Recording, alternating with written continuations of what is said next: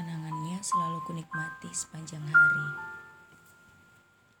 Dari pagi menemui siang, menjelang senja, menuju malam, sampai bertemu pagi kembali. Cerita tabu yang tak ubahnya masuk ke dalam pikiranku melulu. Tentang sesuatu yang hampir namun sayangnya hanya mampir tentang sesuatu yang manis tapi tidak terjadi dan membuat meringis. Dan ternyata aku tahu cerita ini sudah aku siapkan sejak bulan Desember awal. Cerita ini sudah aku rangkai dengan elok pada Desember siang. Namun ada hal yang membuat aku terlambat tersadar. Aku kira ini kita, masih kita. Ini kali pertamanya aku petik Januari. Merekam dan memutar dengan jelas segala memori yang pernah terpatri. Menolak untuk dilupakan diri sendiri. Tanpa adanya penopang jari, seperti layaknya jiwa yang meronta menolak dan ingin pergi.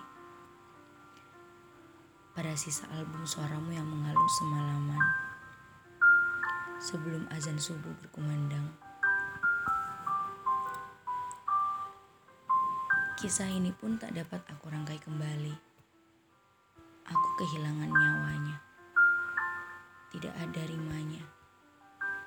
Semuanya samar, abu-abu.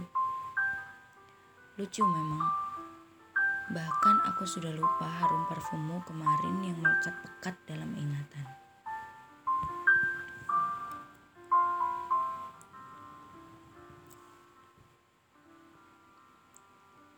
Kita sudah mati, tapi kamu dan aku masih hidup abadi.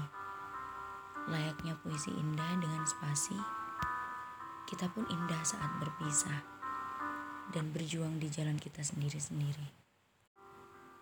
Tetapi terima kasih atas segala waktu, cerita, kehangatan dan kenangan yang kamu beri di waktu sesingkat itu pada bulan Desember tahun lalu. Penutupku, aku tidak menyesal pernah mengenalmu.